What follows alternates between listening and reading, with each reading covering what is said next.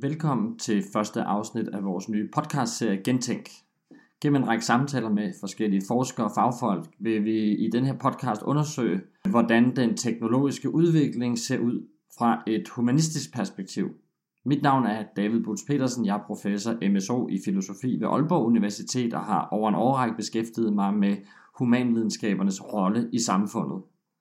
Dette første afsnit af podcasten består af en samtale mellem mig selv og professor i semiotik Frederik Stjernfeldt, og omhandler ytringsfrihedens vilkår i en tid, hvor tech-giganter og sociale medier spiller en stadig stigende rolle i vores samfund og i vores måde at kommunikere på, både offentligt og med hinanden. Samtalen er optaget live i Husets Biograf den 22. august foran et publikum, og jeg skal på forhånd beklage en række skarpe udfald i lyden inden for de første tre minutter af optagelsen. Denne podcast er et forsøg på at udforske de nye måder, hvorpå humanistisk forskning kan formidles i øjenhøjde, og vi håber, at du vil følge med, så vi fremadrettet har et eksperiment, vi kan dele med hinanden. God fornøjelse.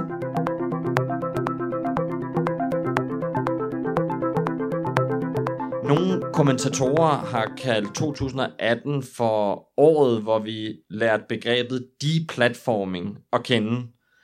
Internettet blev oprindeligt fejret som udgangspunkt for at tillade helt nye stemmer uden for staters kontrol og censur.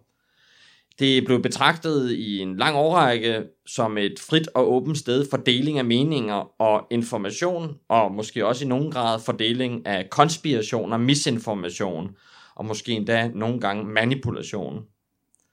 Det har fået en række af de toneangivende tech-giganter, altså de virksomheder, der står bag de store sociale medieplatforme, til at lukke munden på en række af de stemmer, og måske også en række af de til grundlæggende idéer, som de ikke bryder sig om og ikke kan lide.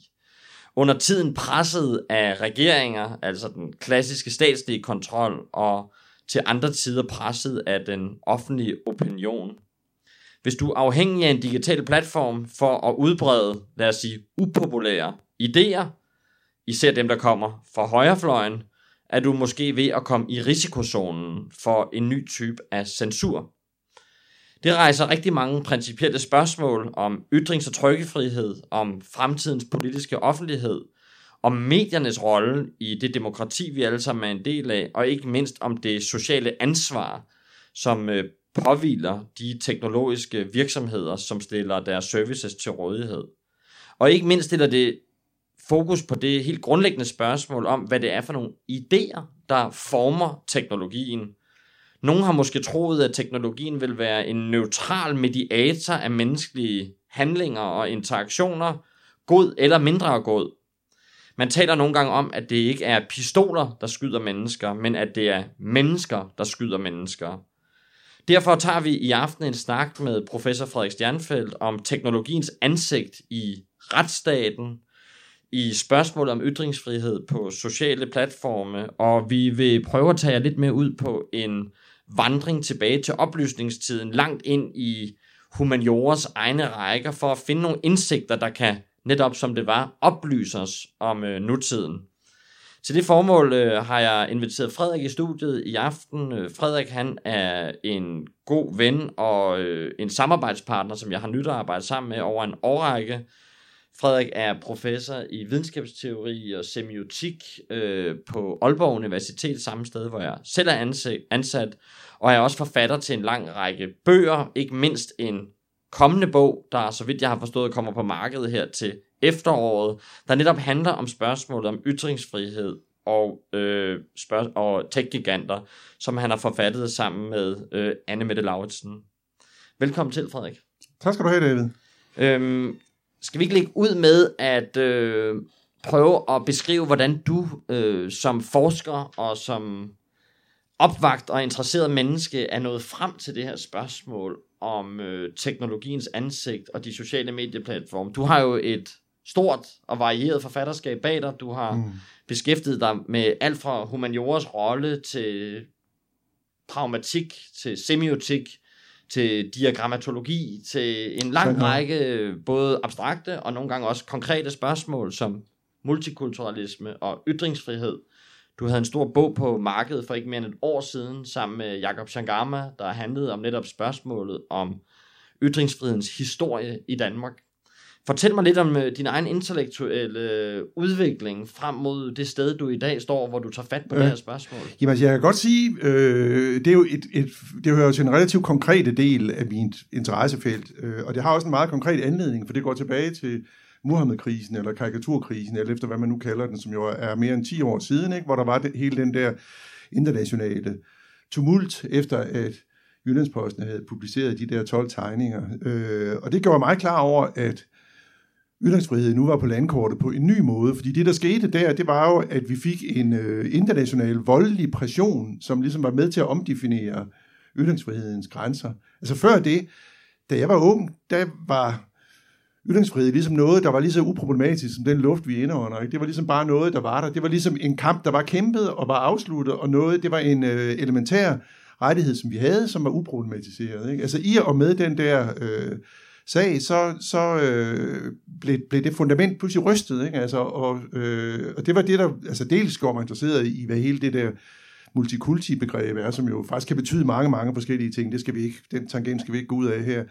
Øh, men det førte mig så også til at interessere mig for øh, ytringsfrihedens øh, opkomst, altså hvad for nogle idéer der den vokser ud af i øh, oplysningstiden, helt tilbage til 1600-tallet. Så det gjorde mig mere og mere interesseret i, hvad skal man sige, oplysningens idehistorie. Ikke? Altså, øh, og en øh, effekt af det var, som du siger, den der store bog, som jeg skrev sammen med Jacob Changama for et år siden, hvor vi sådan en vis detaljeringsgrad kortlægger ytringsfrihedens udvikling i Danmark lige siden reformationen lige siden 1537. Ikke? Altså, øh, så, øh, så det har både givet mig en øh, historisk interesse i, hvor mm. den her rettighed kommer fra, men også en øh, principiel interesse i, hvad den går ud på, ikke? Altså, og hvor den, hvor den, den hele tiden udfordres af øh, nye konditioner. Ikke? Altså, det er jo sådan, at hver gang et nyt medie dukker op på markedet, eller hver gang øh, mediestrukturen afgørende ændres, så øh, udfordres øh,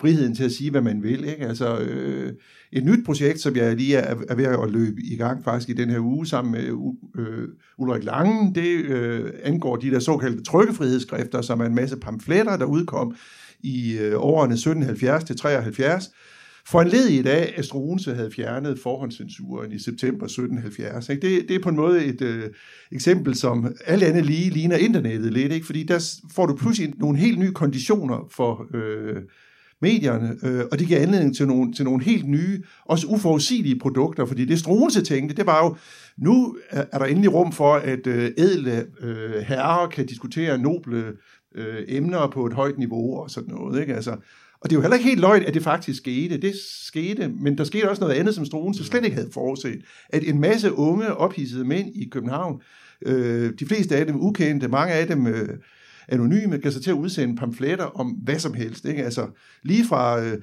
filosofiske traktater og politiske overvejelser og kritik over slader og satire, og helt over til obskuriteter og injurier og, og, og øh, mærkelige slam. Ikke? Altså, og tit i mærkelige blandinger. Ikke? Altså, og tit kommenterede den ene, den anden, den tredje, den fjerde, så det ligesom allerede dengang var debattrådet. Ikke? Altså, øh, så du kan godt se øh, ligheden der. Ikke? Altså, at øh, hver gang vi, vi, vi får en anden ny afgørende ændring i mediernes øh, grundlagsbetingelser, mm. øh, så udfordres mulighederne for, øh, hvad man kan sige. Og det blev jo også udfordret dengang, fordi efter Struense havde fået hovedet kappet af, så gik der ikke så lang tid til, at man inddrog den der frihed. Så den der såkaldte trykkefrihedstid med alle de der pamfletter, den varede kun tre år. Ikke? Altså, øh, men altså, for, for at komme tilbage til den øh, aktuelle bog, øh, så min interesse i det øh, blev skærpet af selvfølgelig hele, hele de her øh, russiske sager med... Øh, systematisk politisk misinformation på den ene side, og så blev de skærpet af øh, den der tyske lov, som blev vedtaget øh, sidste år, hvor øh, Tyskland jo pålagde sociale medier i Tyskland og øh, udføre øh, retsarbejdet for sig, så at sige. Ikke? Altså, mm. Tyskland har jo som alle lande en række lovfæstede øh, indskrænkninger af, hvad man må sige. Ikke? Det er altså ligesom det, der udgør ytringsfrihedens grænser. Det har alle lande jo, altså snævre eller hvide. Øh, og Tyskland pålagde så Facebook øh, og Twitter og alle sociale medier over en vis størrelse og patruljere øh, deres sociale medie. Altså på en måde ligesom at gøre politiets arbejde. Mm. faktisk. Ikke? Og det slog mig som meget problematisk, ikke? Altså fordi en standard i retsstaten, det er jo, at øh, vi har øh, love, og så, og så har vi øh, uafhængige domstole, øh, som tager sig af og vurderer, om de love er overtrådt. Ikke? Det er jo ligesom et sådan meget element, tilbage til Montesquieu, ikke? altså magtens tredeling, alt det der. Ikke? Altså, det er jo på en måde det, man ender pille ved der, ikke? når man øh, siger, det skal ikke være en domstol, der afgør, om loven er overtrådt. Det skal være Facebook. Ikke? Altså, så man så ansætter en masse uuddannet personale til at sidde og lave det arbejde, som øh, ellers ville blive lavet af domstole med højt uddannede dommer og anklager og forsvarer og hele den kendte struktur der. Og det slog mig som, som en, en øh, meget problematisk og mærkelig ting. Ikke? Så det var på en måde det, der gjorde mig interesseret i det. Og så mødte jeg jo øh, øh, mit store held i forbindelse med den her bog, øh, Anne Mette, som sidder hernede øh, et eller andet sted, øh, som er filosof fra Københavns Universitet, og som også var interesseret i det her, så kan vi os til at, at pingponge og skrive, og i løbet af øh, sommeren her har vi, fået, har vi fået skrevet den her bog, og det har været sådan lidt at ride en tiger, ikke? fordi det der er sket, som I alle sammen ved, det er jo, at øh, efter vi besluttede at lave den her bog, som jeg tror ligger tilbage i marts, så er der næppe gået en eneste uge, uden der har været øh, rystende, eller mærkelige, eller opmuntrende, eller bizarre nyheder på den her front. Ikke? Altså, øh, kongreshøringerne med Mark Zuckerberg i april, og EU-høringen med ham i maj, ikke? Altså, og Facebook, der øh, nærmest sådan i, i, i panik hver anden uge lancerer nye politikker. Mm. Den seneste øh, kom i dag, i morges, i øh, Washington Post, ikke, hvor de nu øh, annoncerer, at samtlige brugere på Facebook, de skal have et øh, kredibilitetsindeks, et troværdighedsindeks, øh, hvilket jo er en anden måde at sige på, at øh, blandt alle Facebooks brugere, det vil man gerne markere dem, der ligesom er under mistanke, dem, der har et lavt troværdighedsindeks, så man ligesom har et kartotek over øh, mistænkte, som man kan udsætte for særlig overvågning, som man hurtigt kan slå til, hvis de siger eller gør noget, som, som krænker øh, de der såkaldte community standard. Altså, det, er ligesom, det er den seneste nyhed i, i dag. Ikke? Altså, så det har været en skæg ting, og, ja. og jeg, jeg, jeg, jeg tror aldrig, jeg har prøvet at skrive en bog før, der har, har været så bundet op på aktuelle begivenheder. Ikke? Altså, så vi har jo øh, vi har siddet hver sit sted øh, henover sommeren her, men vi har jo pingponget hver eneste dag, fordi der er dårligt nok gået en dag, uden der har været mærkelige nyheder, som vi ligesom synes, vi bliver nødt til at, at behandle og kommentere i den her bog. Det, det, det er jo nogle gange sådan med, øh, med, med teknologiens udvikling og den måde, den påvirker os på, at vi jo svinger lidt som et pendul mellem øh, nærmest naiv optimisme og så komplet øh, alarmisme og pessimisme. Altså, jeg tænker her på, at vi i løbet af det 20. århundrede, især anden halvdel af det 20. århundrede, jo var vidne til et kæmpe opblomstring af nye teknologier. Vi har fået bioteknologi, vi har fået nogle meget kraftige øh, medicinske teknologier, der har kunne forbedre folkesundheden på en meget demonstrativ okay. måde. Vi har selvfølgelig også siden 90'erne været igennem en meget markant informationsteknologisk revolution, der så at sige har ændret livsbetingelserne, i øvrigt også de økonomiske betingelser for stort set alle samfundsområder. Det gav anledning til en meget stærk teknologisk og økonomisk optimisme, som vi var vidne til i virkeligheden fra murens fald og øh, frem efter helt op til øh, det finansielle krak i 2008. Og efter det er det som om, at både befolkninger, men egentlig også vi forskere og øh, repræsentanter fra det politiske system har fået et noget mere, mere nøgternt billede. I dag taler man nogle gange om, at der endda er tale om en alarmisme, altså at vi ser alt dårligt, hvad der findes i blandt mm, mennesker, mm. som udtryk øh, på nettet, øh, som øh, accelereret af sociale medier. Vi taler om misinformation, vi taler om falske nyheder, vi taler om det at blive manipuleret at det russiske forsvarsakademi har været bedre til at læse fodnoterne i moderne socialpsykologi, ikke for at oplyse os, men for at føre os bag lyset i nogle af de store mm. toneangivende valgkampagner, der har været ført i både USA og Europa. Øh, den alarmisme, den gør så også, at rigtig mange både af virksomhederne selv, som I beskæftiger jer med i bogen, men i virkeligheden også mange almindelige borgere, journalister og beslutningstager, du nævnte selv senatshøringerne med Mark Zuckerberg, kommer ud som med en, et meget klart krav om, at nu skal der ske noget. Mm. Hvad er du bange for, der kommer til at ske på sådan den korte bane, hvis vi ikke får kølet den her diskussion ned? Hvad er det så at sige for nogle civilisatoriske tilbageskridt, vi står overfor, hvis man begynder på en markant måde at udøve censur online?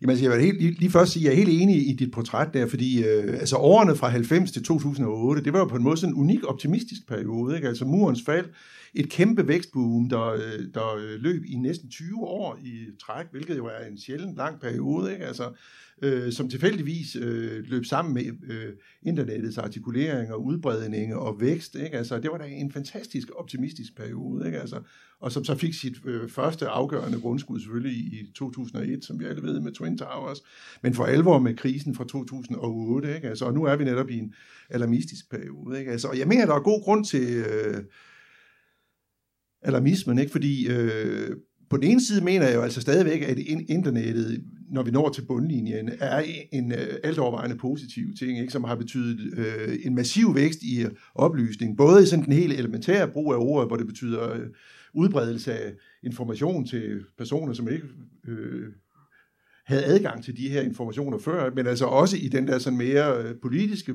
brug af ordet oplysning, hvor det betyder myndiggørelse af individet. Ikke? Altså, mm. øh, så så, så den, den, den bundlinje, synes jeg der stadigvæk Der var det arabiske forår, der var fejringen af Twitter og senere han Instagram som steder, hvor man kunne dele Netop. aktivistiske og, og, modbevægelser, og, modkulturer. Alt det der mener jeg, mener, jeg, det, mener jeg jo er vigtigt at fastholde, når vi nu så kigger på øh, de problematiske sider, som, som også øh, efterhånden er blevet tydeligere. Men altså noget af, af det, som jeg synes er farligt i den aktuelle periode, det er jo, at man i panik giver sig til at indskrænke nogle elementære friheder. Og der er, altså, af de grunde, som jeg lige sagde før, så er ytringsfriheden jo især noget af det, som har interesseret mig. Altså, jeg synes jo for eksempel, den her Alex Jones-sag, som jo kun er tre uger gammel, eller... Øh, Fortæl os lidt om baggrunden, Infowars, den er meget Alex Jones... Øh... Altså, Alex, Alex Jones er jo en meget afskyelig person, synes jeg, man må sige. Ikke? Altså, han, han tilhører det yderste amerikanske højre, og i sin, en fuldstændig gakket variant. Ikke? Altså, han var med til, at det var ikke ham, der opfandt den, han var stærkt med til at udbrede den der Pizzagate, ikke? altså den der påstand om, at uh, Hillary Clinton havde et pædofil bordel i et pizzeria, ikke? Altså, altså øh, meget, meget sindssyge ting, og han, og han mener i fuld alvor, at uh, Hillary Clinton og Barack Obama er dæmoner, der er udsendt fra helvede, og man kan mærke det, fordi hvis man er tæt på dem, så stinker de af svovl. Ikke? Altså, altså, altså bare for at vise, hvor... hvor, hvor så en hvor, mand uden for almindelig rationel hvor, rækkevidde. Han er uden for almindelig øh, rationel rækkevidde. Og han havde jo en million følgere på sin Facebook-profil, ja. som blev lukket for tre uger siden. Ikke? Alligevel synes jeg, det er en dårlig idé at lukke den. Og det synes jeg jo, fordi man skal holde hovedet koldt, synes jeg. Ikke? Altså, altså, øh, øh, der, altså, det passer ikke, når jeg siger, at ingen vil savne Alex Jones, men jeg vil i hvert fald ikke savne ham. Ikke? Altså, så det er ikke... Altså, pro, altså, Problemet er ikke, at, øh, at, øh, at, at, at, han, øh, at der bliver skruet ned for ham, men problemet er den ændrede offentlighed, som kan blive resultatet af det hele. Ikke? Og, det, og det er derfor, jeg synes, man skal ligesom, når man vurderer sådan en sag, så skal man ligesom øh, holde øjnene på principspørgsmålene. Ikke? Altså, øh, og jeg synes, det er helt uprincipielt, øh, den måde, han er blevet fjernet fra de store aktører. Der hvad er, hvad er principperne? Hvor meget, jo, ved det, vi, hvor meget ved vi i dag om de principper, der har været med til at fjerne jamen, den altså, platform? Altså, det, øh, altså det, der, det, der skete, var jo, at uh, Apple var den øh, første, der lukkede for ham. Ikke? Og så i løbet faktisk af få timer, øh, der fulgte Facebook og Google og Spotify og flere andre efter. Og øh, noget tid efter fulgte Twitter øh, med, som dog kun gav ham en tidsbegrænset øh, spærring. Ikke? Men altså, det der er problemet her, det er jo, at, øh, at det foregår helt principløst. Ikke? Altså, fordi der er jo stadig enormt meget indhold på de der platforme, der er lige så vanvittigt. Det bliver ikke fjernet. Ikke? Altså, altså der, der, og det er jo ligesom mod det elementære gamle princip, som hedder lighed for loven. Ikke? Altså, at øh, de samme øh, forbrydelser skal... Øh, forfølges, øh, uanset hvem det er, der, der begår dem. Ikke? Altså, og det, der var sket her, det var jo, at der op til han blev øh, pillet af de store øh, medieplatforme der for tre uger siden, det var jo, der havde været et stort offentligt pres på platformene hen over sommeren. Ikke? Og det var det pres, der, der udløste, at han blev fjernet. Og det, og det synes jeg jo er meget dystert, ikke? Altså, fordi det betyder jo, at hvis du er i stand til at få et stort offentligt pres øh, til at, at generere sig, så er der mulighed for at lukke munden på mm. folk. Og det kan jo gå ud over øh, personer, der ikke er så åndssvage. Så Men der er ingen tvivl om, at, at, øh, at i, i perioden efter sidste vinters afsløringer af Cambridge Analytica-sagen, altså det her private efterretningslignende virksomhed, der misbrugte Facebook-data til ja. at skabe mikrobeskeder til folk, der skulle påvirke dem imod bestemte valghandlinger i, under Brexit og også under under, øh, øh, valget af Donald Trump, Trump men i virkeligheden har det også vist sig senere hen i, i, i valget af mange andre, øh, eller i mange andre valghandlinger rundt omkring i verden, at der var brug for en reaktion, altså offentligheden, opinionen, øh, mange forskere, mange intellektuelle, mange journalister, i virkeligheden også almindelige borgere, har efterspurgt, at de her tech-platformer, tech-virksomheder er gået ud med en klar, lad os bare sige, moralstemme, altså at man har taget sit ansvar på sig, Mark Zuckerberg har fremtrædet, som du nævner, både for senatet, men var jo også indkaldt for Europaparlamentet, og siden han også blevet indkaldt for en øh, parlamentshøring i øh, England og andre steder. Der har været behov for, at man skulle statuere nogle eksempler. Man vil så at sige se noget handling fra de her platforme. Ja. Ikke kun i form af beskyttelse af privatlivets fred og beskyttelse af nogle andre af retsstatens principper, nemlig handel med anonymiserede data og decideret manipulation og Mm, hvad skal vi sige, underlødig påvirkning af valgdeltagelsen, men også i form af, at man ikke vil tillade øh, hate speech, hadfuld tale, udfald, ekstrem form for opfordring til vold. Mener du, at, øh, at det efterår, vi var igennem sidste år, vinter, har været med til at gøre, at nogle af de her platforme i dag, som du selv siger, på få timer nu kan støtte op om at det platforme, altså tage en person som Jones af platformen og reelt udøve altså censur det er da øh. helt klart, det har, det, har været, det har været med. Men så her er det jo endnu en gang vigtigt, synes jeg, at holde hovedet koldt og sige, hvad skal man gøre? For jeg er helt enig i, at der skal gøres noget. Ikke? Altså, men øh, men øh, det, altså for nu lige at vende tilbage til øh, Jones der, ikke? altså det som øh, alle de store platforme hævdede, at de havde fyret ham på, det var hate speech. Ikke? Altså, øh, og det synes jeg i sig selv øh, er et, et, en ildevarslende ting, for jeg synes hate speech er notorisk en meget svagt defineret kategori. Ikke? Altså, øh, i USA øh, findes den ikke i lovgivningen. I Europa findes den i en lang række varianter i de forskellige øh, lande, og der er ingen, der rigtig er enige om det, og der er ingen, der har kunne definere hate speech på en måde, så den ligesom er neutral, altså, altså så der ligesom gælder samme regler for alle, altså lighed for loven, ikke? Altså fordi alle de hate speech, uh, undskyld, hate speech bestemmelser, vi kender til, de har alle sammen karakter af, at de nævner en række grupper, som skal have særlig beskyttelse. Mm-hmm. Men hvorfor skal de have særlig beskyttelse, tænker jeg, ikke? Altså, lighed for loven. Ikke? Altså, hvis nogle grupper skal have beskyttelse, så skal alle grupper have beskyttelse, mm. tænker jeg. Ikke? Altså, så, så, så derfor synes jeg, at hate speech er dårligt defineret, og det er åbent for øh, subjektive definitioner af alle mulige arter. Ikke? Altså, og derfor synes jeg, at at, øh, at den kerne af hate speech, som jeg mener, man burde fokusere på, det er jo den, der hedder øh, chikane, voldelige trusler, opfordringer til vold, koordinering af vold, øh, personlige injurier, altså, altså ting, som i de fleste lande allerede er kriminaliseret. Ikke? Altså, det, mm. altså jeg, jeg, jeg, mener, i stedet for at acceptere den der gummikategori, som jeg synes hate speech er, så skulle man bruge meget mere krudt på at fokusere på de der rigtig alvorlige ting. Ikke? Altså, og helst, synes jeg jo, i samarbejde med myndighederne. Altså så vi, ret, det traditionelt retsvæsen. Det almindelige ja. retsvæsen. Altså frem for at gøre, som Tyskland gør, og, øh, og øh, give de der øh, tech-platformer, som allerede synes jeg er alt for stærke, give dem øh, magten til faktisk at udøve domstolslignende funktioner, for det synes jeg ikke, de bør have. Så jeg synes, at øh, fokusere på det, det øh, rigtigt virulente, og så gøre det i samarbejde mm. med øh, almindelige øh, statslige myndigheder, så du ligesom bevarer en tilknytning til domstolsvæsenet. Det, det synes jeg er en, en, en ting. En anden ting, som jeg så synes, det er, og det altså bringer os over i hele det der Cambridge Analytica, de russiske bots i St. Petersborg og øh, alt det der, det er jo, at øh, et andet, øh, en anden ting, som jeg synes, man skal fokusere meget mere præcis på, det er jo organiseret misinformation, fordi det er jo sådan noget, som de der IRA i St. Petersborg øh, sidder og udøver, og nu hører vi lige, altså øh, Washington Post i morges var jo en, en, øh, en, en bibel af, af bizarre øh, nyheder, ikke? at øh,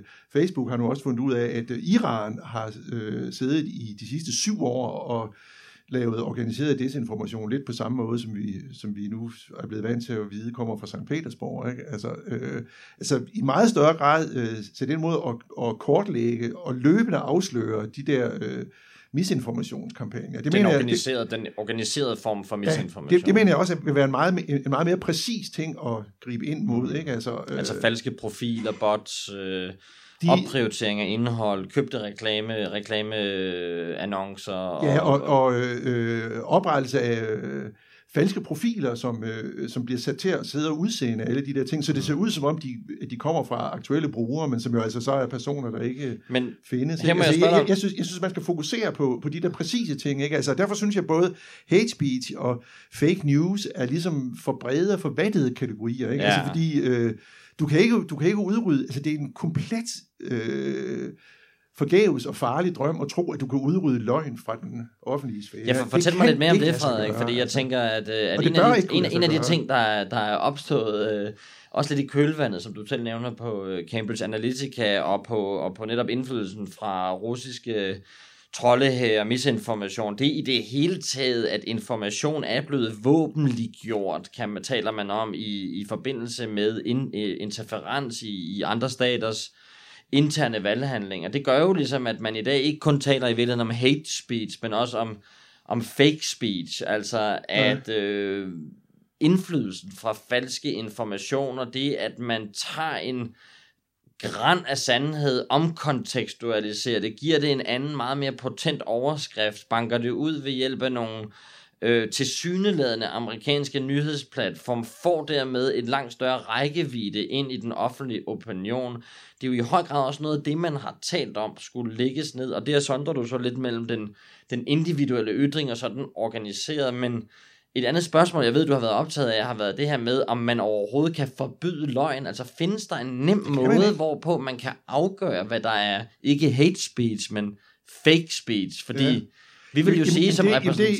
Det, det, det gør der jo ikke, altså, fordi du, du kan jo se på, hvis du ser på, øh, på de moderne øh, demokratiske samfund, så har de jo øh, stærke institutioner til afgørelse af, hvad der er sandt og hvad der er falsk. Altså, vi har blandt andet øh, de seriøse medier, som jo stadig er der, og som i stadig et vist omfang er i stand til at lønne kuglegravnings øh, journalistik på et øh, højt niveau, som lever op til journalistiske dyder, og alt det der, ikke? Altså, vi har øh, akademia, ikke? Altså, øh, som er øh, interesseret i at finde ud af, hvad der passer på en lang række forskellige områder inden for de forskellige øh, fag. Ikke? Og vi har domstolsvæsenet, som jo er øh, indrettet på at finde ud af, hvad skete der faktisk, øh, da denne her person blev stukket ned, eller hvad der nu skete. Mm. Ikke? Altså, det, er, det, er jo, det er jo tre forskellige vigtige institutioner, som vi har til etablering af sandhed. Men karakteristisk for dem, det er jo, at de øh, naturnødvendigt arbejder langsomt. Ikke? Altså, og nyheder, modsætningsvis, de er jo nødvendigvis ny. Ikke? Altså, de er jo lige opstået i dag eller i går. Ikke? Altså, og det vil sige, at der er ingen genvej til øh, hurtigt at finde ud af, om den her nyhed, vi nu har hørt i, i går, den måske skulle være råden. Ikke? Altså, det, det afhænger jo af, og nogle gange tager det over. Ikke? Altså, øh, øh, jeg faldt over et godt eksempel, som jeg måske kan nævne her, øh, da Jakob og jeg skrev den store bog om dansk ytringsfrihed. Altså årene lige efter krigen her i Danmark, der havde vi jo retsopgøret, ikke? Altså, øh, med folk, der på en måde havde, havde kollaboreret med besættelsesmagten. Og det var jo karakteriseret ved øh, lovgivning med tilbagevirkende kraft, som jo aldrig rigtig er nogen heldige ting. Ikke? Altså, øh, og der blev en, øh, en øh, lang række øh, nazister øh, dømt, øh, blandt andet en lang række journalister, der havde skrevet på Fæderlandet, som jo lå i de lokaler, hvor Dagbladet Information nu ligger. Ikke? Altså, øh, og det, en af dem, der blev dømt, det var en journalist, der Harald Tandrup, som også var romanforfatter. Han fik tre års fængsel. Og noget af det, han blev dømt for, det var for at sige, at øh, Katyn massakren var begået af russerne. Jeg ved ikke, om I kender Katyn massakre, men det var i, i krigens start, der blev næsten hele det polske officerskorps samlet uden for Smolensk øh, og henrettet og smidt i massegrave i størrelsesorden 10.000 personer. Altså en rigtig seriøs krigs forbrydelse. Ikke? Og den blev afsløret i 1943 under krigen, ikke? Altså, hvor man fandt de der grave, som på det tidspunkt jo kun var tre år gamle. Ikke? Altså, øh, og alle vidste dengang, at det var nazisterne, der havde gjort det. Ikke? Altså, øh, da tyskerne trumlede hen over det område der. Ikke? Øh, og, har, og har talt om, han blev så blandt andet dømt for den propagandaløgn og sige, at det var den røde her, der havde gjort det. Fem år senere, amerikansk undersøgelseskommission, der inde og grave de der lige op, og man fandt ud af, at det var faktisk den røde her, der havde gjort det der. Ikke? Altså, øh, så han blev, altså, han blev altså dømt for en øh, løgn, som senere viste sig at være sand. Ikke? Altså det, det, det viser jo noget af problemerne ved det her, at, mm. øh, at, øh, at det var jo en øh, løgn, som alle seriøse personer i 1943 troede var sand. Ikke? Altså, og som øh, øh, først øh, efter en lang proces, altså Gorbachev indrømmede først i 1990, at det var den røde her, der havde begået den der krigsforbrydelse. Så først der blev sagen ligesom endelig lukket. Ikke? Altså det, det er bare et eksempel på, hvor lang tid det kan tage at etablere sandheden om et vigtigt emne, en stor krigsforbrydelse. Ikke? Altså, det, mm. det tog reelt 50 år at få afgjort det. Ikke? Altså, og hvordan kan vi så tro, at, at nogle dårlige uddannede øh, folk i, i øh, et tredje verdensland, som står for de her tech-giganters kontrol, at de skal kunne afgøre sig noget på tre sekunder. Altså, mm. For det er jo, det, er jo altså det, det skal vi også næsten nævne, ikke? Altså, at de der fjernelsesprocedurer, som, øh, som de store tech-giganter har, det, det foregår jo på jækla vis. Ikke? Altså, det er jo underbetalte øh, folk, og vi har ikke nogen grund til at tro, at de er særlig veluddannede. Mange af dem sidder for eksempel i øh, Indien eller øh, Filippinerne eller Irland. Det er, det er nogle af de øh, steder, de har de der øh, fjernelsesagenturer. Ikke? Altså, øh, og vi ved, at de er under så stort arbejdspres, at de har øh, måske højst tre sekunder per sag. Ikke? Altså, øh, det er jo brugere, som har indklaget, øh, at øh, det her billede vil vi have fjernet, eller den her tekstbesked vil vi, vil vi have væk. Ikke? Altså, øh, og de skal så øh, på... Øh, på ganske kort tid, altså de, har, de arbejder på en måde, så de skal afgøre måske 15.000 sager om mm. dagen, altså per arbejdsdag, ikke? Altså, de har jo ingen mulighed for at, at afgøre, om noget er sandt eller falsk. Altså, de kan måske afgøre, om der er en brystvorte på et billede. Det er jo noget, som I ved, Facebook af en eller anden uforgribelig grund gør, går meget, meget op i. Ikke? Altså, øh, det kan de måske se, og så sige, at det billede skal tages væk. Men de kan jo ikke se, om, om, om en kompliceret påstand er sand eller falsk. Og jeg synes bestemt heller ikke, at vi skal overgive definitionsmagten over, hvad der er sandt eller falsk, til de der tech-giganter. Det, det er meget, meget vigtigt, at vi, at vi øh, beholder den øh, hos, hos nogle mere kompetente men, institutioner. Men, men, men på trods af, at du argumenterer her for en udvidet og, og, fortsat, øh, og fortsat omfattende grad af, af ytringsfrihed, og jeg kan også høre, Frederik, at du argumenterer lidt her for en en idé, som er sådan lidt idéernes markedsplads. Altså vi må kunne tåle både at høre, øh, hvad hedder det, de falske nyheder, men også i høj grad bruge internettet og de sociale medier til at accelerere de sandfærdige nyheder, den etablerede journalistik, den videnskabelige information, og så må det på en eller anden måde udspille sig. Så nævnte du også før, at det kan ikke være en fuldstændig ureguleret platform. Altså det vil sige, at vi kan ikke regne med, at uh, sandheden nødvendigvis vinder altid, hvis det er sådan, at fremmede regeringer blander sig, eller der er opkøb af øh, store øh, annoncemarkeder okay. eller anden økonomisk påvirkning af informationsstrømmen. Det bryder jo i virkeligheden lidt med princippet, nemlig om den frie markedsplads øh, for idéer. Har de her tech-virksomheder i dag fået... Øh, en så monopollignende status, at ideen i virkeligheden om et frit marked for information i sig selv er kommet under pres? Jamen det er jo netop en del af problemerne, fordi altså indtil bare for to år siden, der tror jeg ikke, jeg vil sige det, som jeg siger nu. Øh, der vil jeg sige, når jeg altså Facebook og Google og Twitter og Pinterest og hvad har vi, det svarer på en måde til øh, private mediehuse, vil jeg sige dengang. Ikke? Det svarer ligesom til, at du har politikken, og øh, du har politikens hus, og du har et berlingske hus, og når du læser øh, politikken og weekendavisen, så har de selvfølgelig forskellige redaktionelle linjer. Det, der kan trykkes det ene sted, kan ikke trykkes det andet sted, og det er helt uproblematisk. Øh, de, de er, er private aktører, og de kan lægge den linje, de vil, for hvad de vil have i deres øh, mm. medier. Ikke? Altså for to år siden, eller måske tre, der vil jeg nok sige, at øh, den samme analyse gjaldt øh, tech-giganterne. Ikke? Altså Google, det er privat virksomhed, de må, de må bringe det stof, de vil, og og øh, smide det stof af platformen. Som og vi andre skulle lade være med at være naive om, at ja. det var et neutralt space ja. at være i. Det, det, det, det, det vil være min analyse dengang. Men grunden til, at jeg har skiftet synspunkt, det er jo,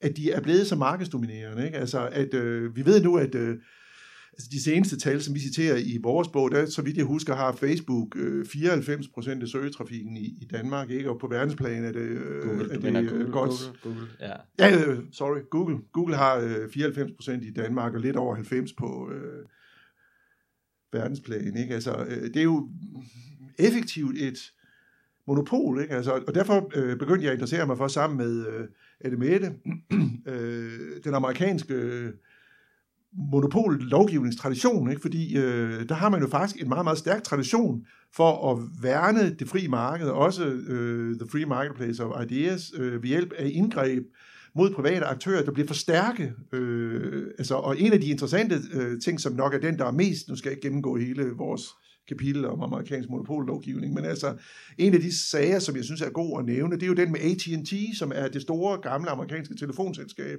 som går helt tilbage til Graham Bell, som opfandt øh, telefonen, ikke? Altså, øh, og det firma, han, han grundlagde, det blev til AT&T, ikke? Altså, og i løbet af 1910'erne, øh, der var de jo ved at få monopol på amerikansk mm. telefoni, ikke? Altså, hvilket på, i en vis forstand var rationelt, ikke? Fordi du kan se fantastiske billeder fra år 1900 af gader i New York, som er helt fuld, fuld, fulde af kabler, fordi der er jo fem forskellige telefonselskaber, og de skal have hver deres kabelnet, ikke? Altså, og det er jo, er jo eventuelt kon, eller, øh, evident øh, kontraproduktivt, ikke? Altså, at, du, at du skal have, have landstækkende øh, parallelle kabelnet, ikke? Altså, øh, og øh, også derfor tror jeg, at den monopolsag, som USA anlagde mod AT&T, den faldt anderledes ud, end mm. den, man for eksempel havde lavet mod olieselskaber. De store olieselskaber, de blev simpelthen splittet op. Ikke? Altså, øh, øh Standard Oil blev splittet op i øh, geografisk lokaliserede mindre olieselskaber, men øh, det indså man, det kunne man ikke gøre med telefonien, fordi den havde, i modsætning til olieselskaberne, så havde den, ligesom internettet, havde den netværkskarakter, AT&T. Så de anerkendte ligesom, at AT&T fik lov til at have det naturlige monopol på telefoni, men samtidig så gjorde de det øh, med en række øh, krav til AT&T. Ikke? Altså, de måtte ikke etablere sig i øh, nabobrancher, de skulle fx holde sig ud af telegrafien, ikke? den skulle være autonom, ikke? Altså, øh, og, og, og øh, hver gang de opkøbte et nyt telefonselskab, så skulle opkøbet godkendes af den amerikanske stat. De blev også øh, underlagt øh, tarifkontrol, ikke? Altså, så de ikke bare, som øh, monopolfirmaer jo tit gør, sætter prisen, som de vil. Ikke? Altså, øh, og meget interessant også, så blev Bell Labs, som jo var deres helt enormt ambitiøse og dygtige forskningsafdeling på AT&T, som jo står bag radioastronomien og 17 forskellige enorme videnskabelige gennembrud og masser af Nobelpristager og pisselort. Bell Labs, øh, de blev pålagt at øh, offentliggøre deres patenter gratis. Øh, ligesom som et led i den der handel. Ikke? Altså de, de, de, den amerikanske stat sagde, okay, AT&T, I får lov til at køre det her, fordi I er så stærke, og fordi vi har en interesse i, at det ligesom er én spiller, øh, der garanterer, at folk kan tale sammen. Ikke? Men samtidig så pålægger vi jer altså en hel række Transparenskrav. Transparenskrav, ikke? Ja. Altså, sådan nogle ting mener, mener vi, at man kunne, at man kunne øh, gøre over for de her tech-giganter. Man, man kunne sige, okay Google, I har, er dygtige, I har etableret et øh, naturligt monopol på informationssøgning. Men til gengæld, så, så skal I leve op til nogle af de her ting. Så skal I have, så, så for eksempel opkøb af nye øh, firmaer, som jo er noget, de her tech-giganter hele tiden gør. Ikke? Og det er også derfor, de, det er lidt svært at forestille sig, at de nu kan blive udkonkurreret. Ligesom altså, I ved, MySpace blev udkonkurreret af Facebook, og øh, Google udkonkurrerede selv øh, Yahoo og nogle af de andre tidlige søgemaskiner. Øh, men, men det er bare svært at forestille sig nu, de kan ud, udkonkurreres, for de er blevet så rige, at hver gang der er to øh, geniale computernørder i en garage i Palo Alto, der finder på et eller andet nyt, så bliver de opkøbt. Ikke? Altså, de får aldrig mulighed for ligesom at, at, at, at øh, flyve så frit, at de selv ligesom kan... kan, kan Hvad er det femte kabel ej, i, øh, ej, i konkurrencen? Det, det, jeg, jeg er bange for, det løb er kørt. Ikke? Altså, og vi ved nu, at for eksempel... Facebook, de overvåger jo brugerne på mange forskellige måder, og en af de måder, de overvåger dem på, det er, at de overvåger, hvilke andre platforme de bruger. Og det vil sige, at de, de har jo viden om, hvis der er et eller andet nyt, der er ved at trende, og de kan se, at deres brugere er blevet interesseret i en, en eller anden ny uh, platform, der vokser frem. Det var den måde, uh, Instagram uh, blev opkøbt på. Ikke? Så ser Google det. Vi, vi kan se, uh, und, undskyld, Facebook, jeg blander dem hele tiden sammen. Øh, så ser øh, Facebook det, og så kører de dem. Ikke? Altså, øh, og, det var, og det var en af de ting, som, som man hindrede ved AT&T. Det, det var, man, man sagde, okay, I får lov til at drive det her, men alle jeres opkøb af andre firmaer skal have statslige godkendelse, før det går igennem. Det kunne man jo sige. Ikke? Altså, mm. Og en anden ting, som vi, vi også skal, skal nå at, at vende her, det er jo, som du selv nævnte, transparens. Ikke? Altså, fordi noget, der er karakteristisk ved den her censur, som man jeg mener godt, man kan kalde den der massive fjernelse af indhold, som der foregår øh, på øh, tech giganterne, det er jo, at det foregår uden transparens. Ikke? Altså, øh, nu blev øh, Facebook presset til at lægge deres såkaldte fjernelseshåndbog frem her i sidste i april, så vidt jeg husker. Men de har jo aldrig gjort det før. Det vil sige, altså brugerne har ikke engang kendt loven. Så, så, så, så, så at sige, det er jo sådan elementært krænkende ud fra altså den, den gamle, gamle retsstandard, som er så gammel, at man udtrykker det på latin, ikke? altså nulla pøna sine lege, ingen straf uden lov. Ikke? Altså det, det går, i, går i hvert fald tusind år bagud, og det har rødder helt tilbage i romerretten. Ikke? Altså, det lever de her firmaer jo ikke op til. Altså, loven er ikke offentlig, ikke? Altså, og, og, og det vil sige, at brugeren har jo ikke nogen, nogen klar viden om, hvad for nogle regler det er, øh, han eller hun skal overholde, og, øh, og, og det gør jo, at det er komplet uigennemsigtigt, ikke? og de der tekstfirmaer har også haft en interesse i at skjule, hvor, hvor, hvor omfattende den her indholdsfjernelse er. Altså, altså det ser ud som om, det er i størrelsesorden øh, millioner af poster hver eneste dag, der bliver slettet. Ikke? Altså, det er jo rigtig, rigtig meget. Ikke? Altså, og de bruger det så for at fjerne det der indhold. De får ikke nogen klar besked. Altså, de, de får ikke at, at, at vide, vi har fjernet det indhold, fordi du har overtrådt mm. paragraf 7.2. De siger bare, at vi har fjernet det indhold, fordi det overtræder vores regler. Det vil sige, du får ikke engang at vide, hvad, hvad, hvad for en regel det er, du, du har overtrådt. Og der er ikke nogen appel øh, mulighed. Det, vil sige, det lever slet ikke op til, til almindelige retsstatslige normer på sådan et meget, meget basalt plan, ikke? Altså, så, som vi ellers er, er vant jeg kan til. Huske, at, øh, jeg kan huske, hvad hedder det, Frederik, Elon Musk på et tidspunkt sagde, at han, han er jo berømt og berygtet for mange øh, øh, gennemtænkte og mindre gennemtænkte citater. Han sagde på et tidspunkt, at øh, inden han var bange for, eller inden han ville blive bange for, at øh, maskinerne vendte deres kraft mod mennesket, vil han være bange for, at andre mennesker gennem maskinerne vendte deres magt mod andre mennesker. Okay. Og det jeg hørte dig sige i dag er også, at mange af de teknologier, vi har fået stillet til rådighed med den informationelle revolution, er jo i virkeligheden udtryk for nogle interesser. Der er nogle virksomheder, der er nogle kodex, der er bestemte opfattelser af, hvad der er acceptabel adfærd, og ikke mindst, hvad der er uacceptabel adfærd, der ligger til grund i virkeligheden for den måde, hvorpå tech-giganterne opererer. Og det bør minde os om, hvis jeg forstår dig ret, at øh, der bag ved teknologiens fantastiske potentialer stadigvæk er et mellemværende med det at være menneske. Altså der Helt ligger i virkeligheden et, et menneskebillede, kan man sige, øh, til grund for den måde, hvorpå den, de her teknologier har udviklet sig. Og det menneskebillede, kan man sige, det flytter jo lidt med Altså, øh, uanset hvor langt vi kommer i, øh, i udviklingen, og uanset hvor dygtige vi bliver til at dele information og sprede information, så vil der stadigvæk være nogle kognitive agenter, men også i virkeligheden en form for etisk vurdering af, øh, hvad de her teknologier skal bruges til. Og derfor synes jeg, det er meget opmuntrende at høre I ved at skrive en bog, der handler om at give teknologien i virkeligheden et etisk ansigt, eller i hvert fald et menneskeligt ansigt og gøre opmærksom på, hvordan at øh, humaniora, oplysningsfilosofi og kritisk tænkning er en fuldstændig altafgørende komponent af den teknologiske udvikling, som vi er på vej ind i, og i vid udstrækning allerede er en øh, del af. Ja, så man kan jo sige det, at øh, der er forskellige menneskebilleder, der clasher her. Ikke? Altså fordi øh, en, en ting, man kan sige, det er jo, at øh, både Google og Facebook og flere af de andre spillere der, de jo, har jo en oprindelse som idealistiske studenterforetagender, ikke? Altså, som vil forbedre verden, og som øh, i udgangspunktet egentlig slet ikke interesserer sig for at tjene penge. Ikke? Altså, mm. Det er de så kommet til at interessere sig for, og, og det er en grad, så de nu jo ligger på top 5 i verdens største firmaer. Ikke? Altså, øh, altså det betyder, at Homo economicus kommer til at spille en gradvis større rolle end, end i, i forhold til, hvad, hvad den gjorde, da de her firmaer blev grundlagt. Ikke? Så er der en anden ingrediens i det, som jo på en måde er sådan en naivitet. Altså når man hører Mark Zuckerberg udtale sig, altså så sent som ved kongreshøringerne der, ikke?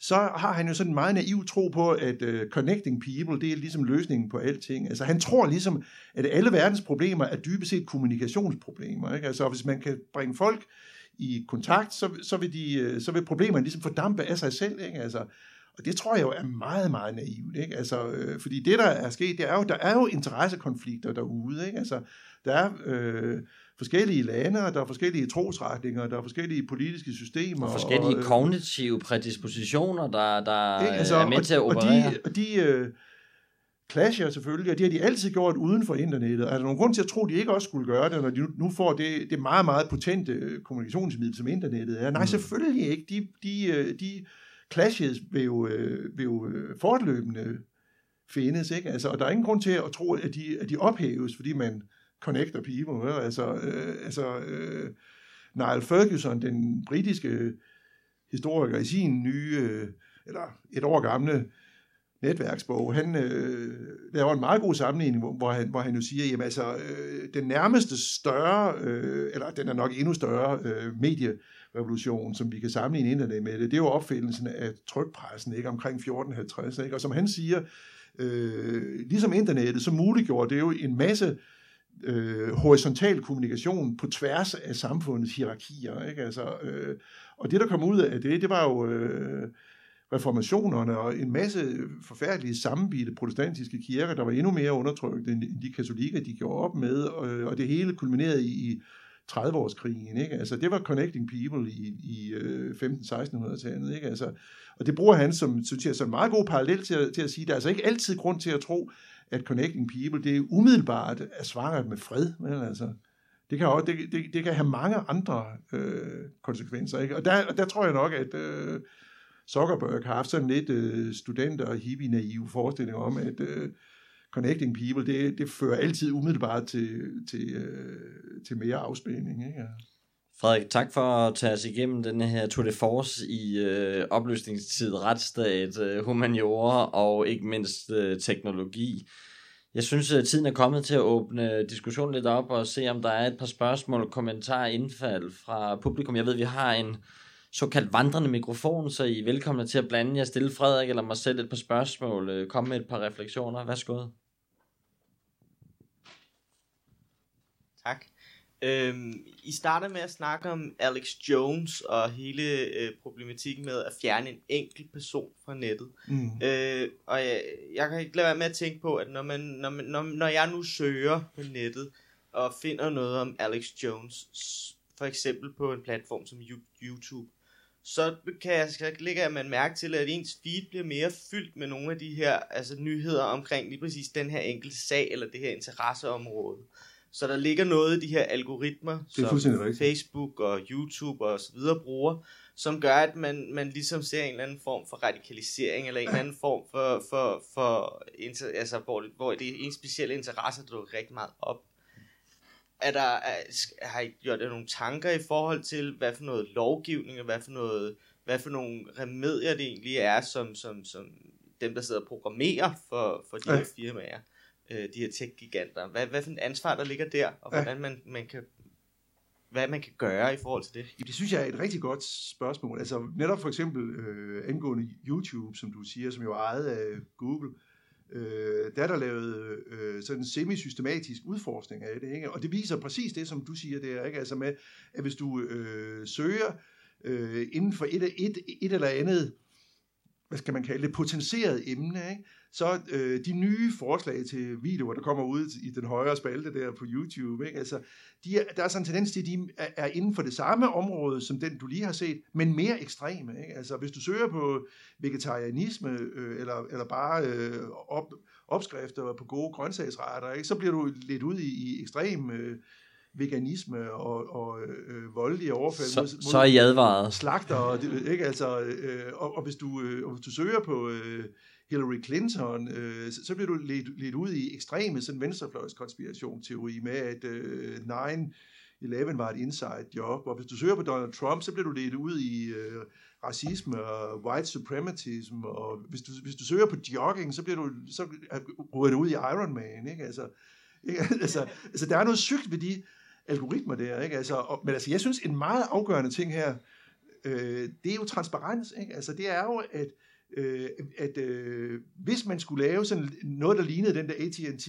aftale, ikke, så et af de statslige krav til de her firmaer skulle være meget større transparens om øh, algoritmerne, ikke? Altså, fordi det er jo, altså, som det er nu, der er det jo deres dyrest garderede øh, hemmelighed, ikke? Det er jo de der algoritmer, ikke? Altså, øh, og altså, hvad Google angår, der er det jo PageRank, ikke? Der er det jo, hvad der, hvad der kommer øverst i øh, søgeresultat øh, listen. Ikke? Det er der jo en, en kæmpe kamp om. Ikke? Altså, øh, og altså, jeg synes, at øh, altså, en regulering af de her firmaer, der vil transparens være nummer et. Altså, at vi fik meget, meget øh, stærkere krav om, at, øh, at deres procedurer skulle være gennemsigtige, og tilgængelig for offentlig debat og kritik. Ikke?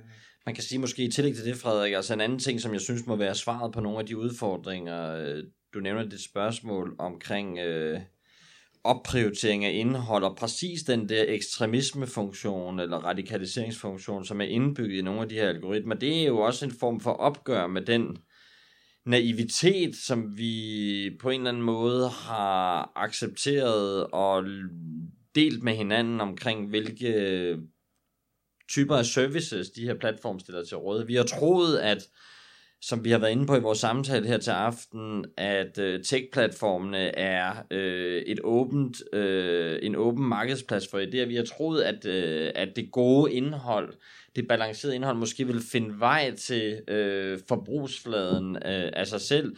Det viser sig selvfølgelig som med alle andre forretningsmodeller, at der er et øh, lille krog sat ind der, og det er øh, ikke kun, øh, hvad hedder det, den hien, der ligger i de her forretningsmodeller efter viralitet, men det er også en hien efter at fastholde vores opmærksomhed.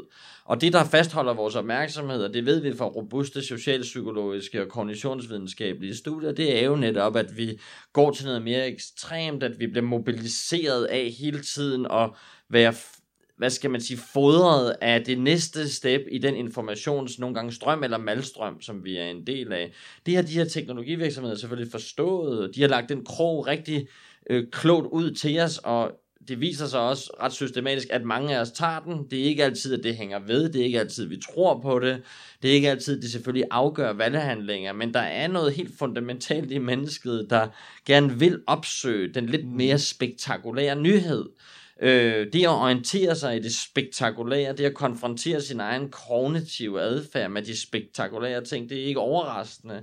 Vi er interesseret i det ukendte, vi er interesseret i nogle af de nyheder, som stimulerer vores forhåndsantagelser, som bygger en form for, hvad skal vi kalde det, informationsbordet livsverden op omkring os.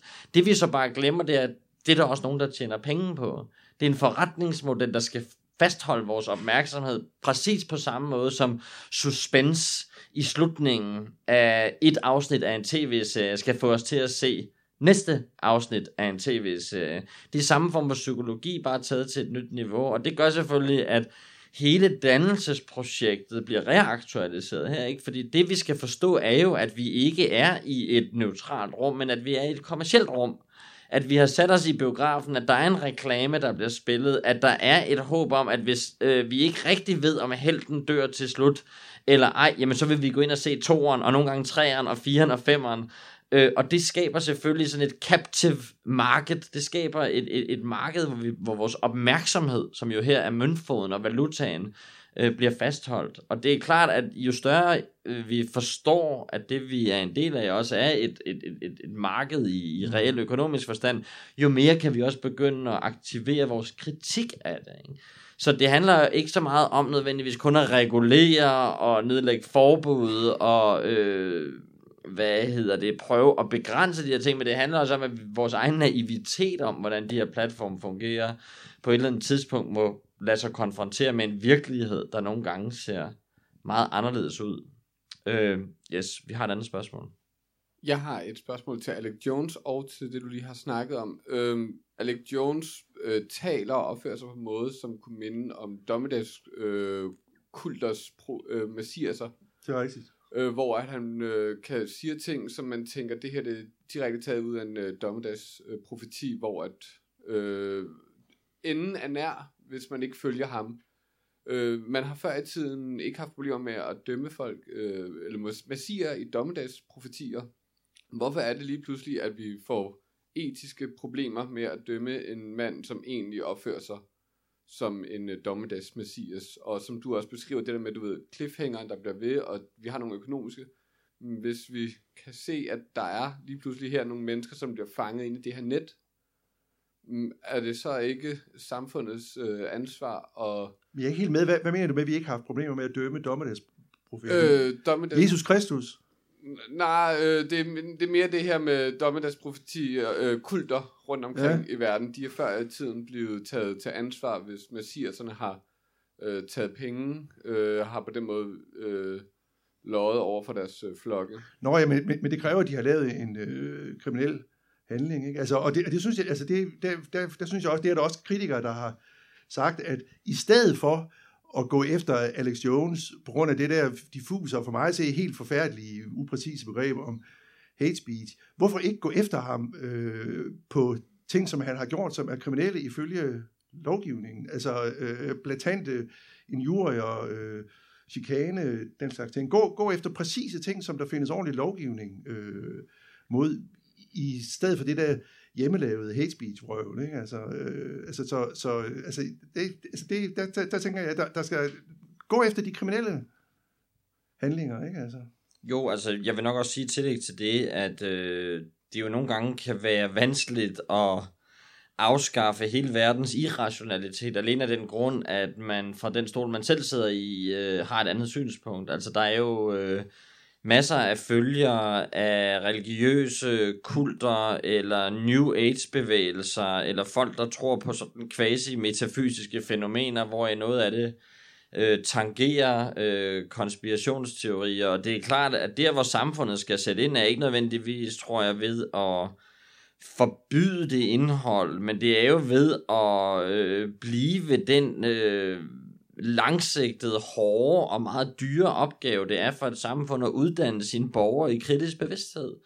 Og sørge for, at øh, de folk, vi måske i vores tids globalisering er ved at tabe på gulvet, og som bliver meget sårbare over for de her ofte falske informationsstrøm, at de faktisk bliver inviteret med ind i vores fortællinger. Altså den måde, hvorpå historien om den redaktionelle journalistik, om den videnskabelige metode og om de juridiske retsnormer, som Frederik var inde på, er blevet fortalt, er jo nogle gange for en relativt begrænset udsnit af befolkningen, og er jo nogle gange en, en idé om et andet bestemt privilegium. Og der tror jeg, at der er rigtig mange borgere for øjeblikket, der har følt, at øh, de leder simpelthen efter en anden form for det, Max Weber vil kalde genfortryllelse af virkeligheden, mm. efter vi i mange år har levet i den der ekstreme økonomiske optimisme, efter naturvidenskaberne har fejret, hvad hedder det, irrationelle forestillinger af banen, og som Weber også sagde, har affortryllet verden, jamen så er der stadigvæk rigtig mange mennesker, der har behov for en fortælling. Den giver så, lad os sige, eliterne,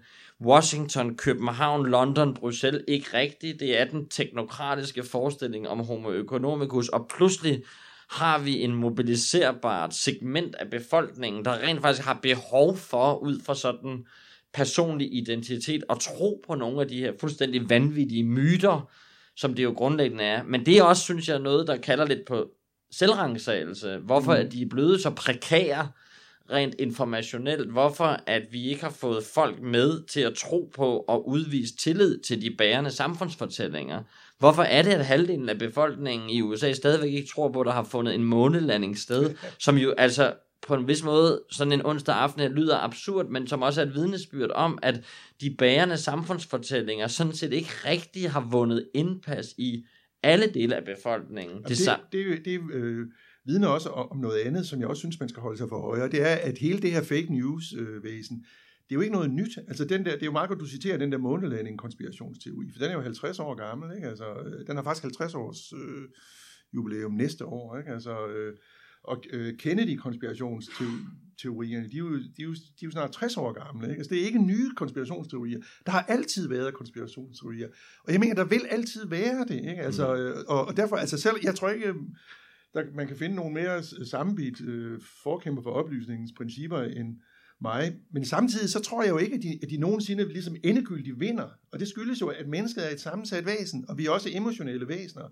Øh, og vi har de der tendenser til at, at øh, falde for spektakulært brøvl, og det vil vi altid have, ikke? Altså, så oplysning er en stadig kamp, der aldrig bliver ført til ende, tror jeg, ikke? Altså, det er ligesom, hver generation skal tage den forfra, og det skyldes jo også, altså sådan, vi øh, kom til at tale om øh, Georg Semmel, øh, den øh, pessimistiske neokantianer fra for 100 år siden, som jo havde den, det, det der begreb om øh, kulturens altså, tragedie. Vi, vi, vi talte altså- ikke om ham for 100 år siden. Nej, men...